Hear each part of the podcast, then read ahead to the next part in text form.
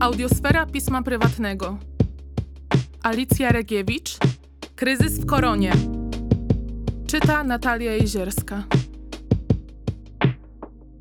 Jak stwierdziła Butler, wirus nie dyskryminuje, ale wyręczają go w tym ludzie pod wpływem różnych sił nacjonalizmu, ksenofobii i kapitalizmu.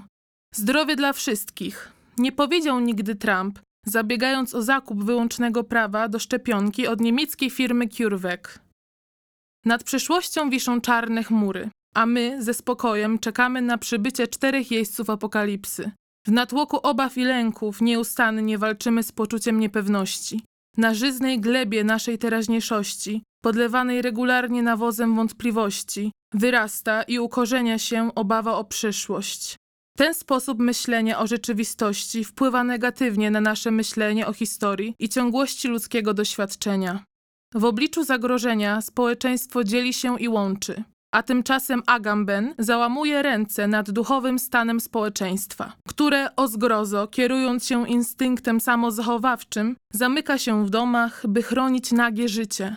Zizek natomiast czeka, aż dopadnie go wirus i wreszcie skończy się ta męcząca niepewność. Przed nami nie tylko kryzys medyczny, ale także ekonomiczny i psychiczny. Cytując Ziska, to nie jest utopijna wizja komunizmu. To komunizm narzucony przez konieczność samego przetrwania. Epidemia powoduje radykalne zmiany. Nasze życie uległo wielu modyfikacjom. Świat się zatrzymał. Opustoszałe miasta przypominają mi o mokrym śnie Siorana. Przerywnik na odrobinę cynizmu. Piękne byłyby w moich oczach chwile, gdy nikt już nie potrzebowałby kłamliwych mrzonek ideałów, gdy nie byłoby już możliwe zadowolenie z bezpośredniego przeżywania życia. Wszelka rezygnacja stałaby się iluzoryczna, ramy zaś normalnego życia pękłyby raz na zawsze. Wirus jest tylko jednym ogniwem w łańcuchu. Ogniwem, które bardzo szybko osiągnęło zasięg planetarny. Aktorzy nerwowo poprawiają maseczki, wkładają rękawiczki i przestają wychodzić z domu. Bruno Latour postawił hipotezę, że właśnie tak wygląda nasza próba generalna przed kryzysem klimatycznym. I tu chciałabym się zatrzymać na dłużej. Ludzie planecie zgotowali ten los. Jednak gdy planeta mrugnie, my będziemy walczyć o przetrwanie. Następca Holocenu pojawił się wraz z rozwojem cywilizacji przemysłowej. Żyjemy w antropocenie, epoce, w której człowiek stał się czynnikiem geologicznym, odpowiedzialnym za zmiany klimatyczne. Jako społeczeństwo mamy siłę oddziaływania na matkę naturę. Dążenie do wolności spowodowało, że dzisiaj mierzymy się z ich konsekwencjami. Wolność kocham i rozumiem. A gdy narracja o wolności przeżywa poważny kryzys, na stole leżą okruchy oświeceniowej nadziei. Jednak warto dodać, że powrót do rozumu nie może być uniezależniony od polityki. Tonący rozumu się chwyta? Żyjemy w czasach, w których konieczna jest zmiana narracji, człowieka jako twórcy, nie zaś więźnia w klimatycznej celi. W epoce antropocenu potrzebujemy teorii kultury uniezależnionej od ludzkiej podmiotowości.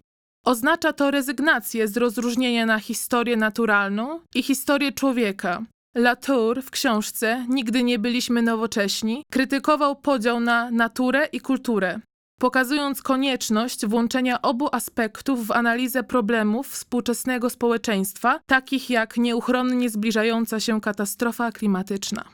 Skoro stosunek człowieka do przyrody jest uzależniony od koncepcji kultury, może przyszedł najwyższy czas na jej radykalną zmianę. W kreatorskiej koncepcji człowiek, który posiada zbyt dużą sprawczość, powoduje, że świat przyrody staje się uzależniony od jego podmiotowości. W ten sposób pozbawia się przyrodę własnej niezależności. Dlatego kluczowy jest powrót do natury jako siły autonomicznej, która nie jest naszym wytworem, a także poczucie, że jesteśmy jej integralną częścią. W wyniku kryzysu klimatycznego, jak pryszcze na twarzy zachłannego konsumenta, uwypuklają się nierówności wynikające z kapitalizmu. I nie pomoże nam podkład z najwyższej półki. Jednak krytyka samego kapitału nie wystarczy do krytyki teraźniejszości w pełnym świetle. Sposobem na to może być poszerzenie myślenia. Myślenia nie tylko o historii kapitału, ale także o historii człowieka. Umożliwi to dialog pomiędzy różnymi dziedzinami nauki i nie tylko. Wybawieniem może okazać się transdyscyplinarna rewolucja, Kiedy wykorzystujemy sztukę do aktu ekologicznego wyobrażania, otwierają się przed nami drzwi. Nowa perspektywa pozwala nam na pobudzenie wyobraźni i dostrzeżenie, że za podmiotem znajduje się także jego cień, a plastikowa butelka przeniesie nas do składowiska odpadów w Indiach. W artystycznej perspektywie tkwi ogromna siła, z której możemy czerpać, nadając znaczenia. Skoro Duchamp nadał znaczenie powietrzu, sztuką możemy przekraczać granice i dostosowywać się do dynamicznie zmieniającego się środowiska. Co szczególnie ważne, nie możemy odmawiać sztuce pewnych praktycznych działań. Pewne krytyczne i pragmatyczne aspekty sztuki i nauki mogą przecież działać wspólnie. Konieczna jest zmiana paradygmatu, a co za tym idzie postrzegania przez nas rzeczywistości. Zakładając okulary, widzę wyraźniej. Nie odrzucam już istnienia kryzysu klimatycznego, który planuje zamach na wolność rynku i co najważniejsze, mnie jako konsumenta indywidualisty, realizującego bez granic swoje potrzeby produkowane przez rynek. Czym zatem powinna być nowa koncepcja kultury? Wiemy na pewno, czym nie powinna być. Mur pomiędzy społeczeństwem a naturą prowadzi nas do punktu bez wyjścia. Skoro kultura to życie podług naszych wartości, to jak uwzględnić w tym systemie troskę o sprawy planety? Świat jako wytwór człowieka powoduje ekologiczne komplikacje. Jak dbać o coś, co nie należy do mnie, czego nie jestem częścią? Po co prosić o pokutę, kiedy nie widzę powodu do skruchy? W nowej koncepcji teorii kultury powinniśmy próbować połączyć wszelakie krytyki kapitalizmu z myśleniem gatunkowym. Nazwanie człowieka czynnikiem geologicznym oznacza włączenie go do świata natury, której wcześniej odebraliśmy autonomię.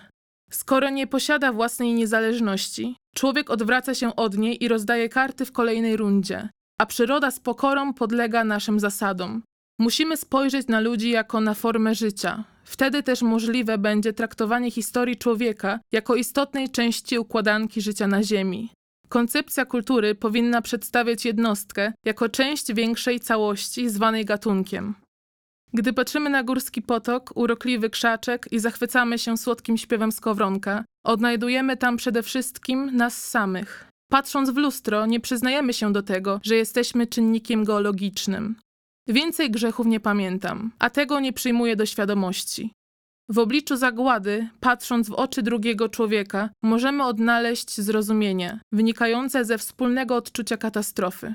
Myśl o kryzysie klimatycznym przyprawia nas o gęsią skórkę, a my, bojąc się o teraźniejszość, przyszłości nie potrafimy sobie wyobrazić.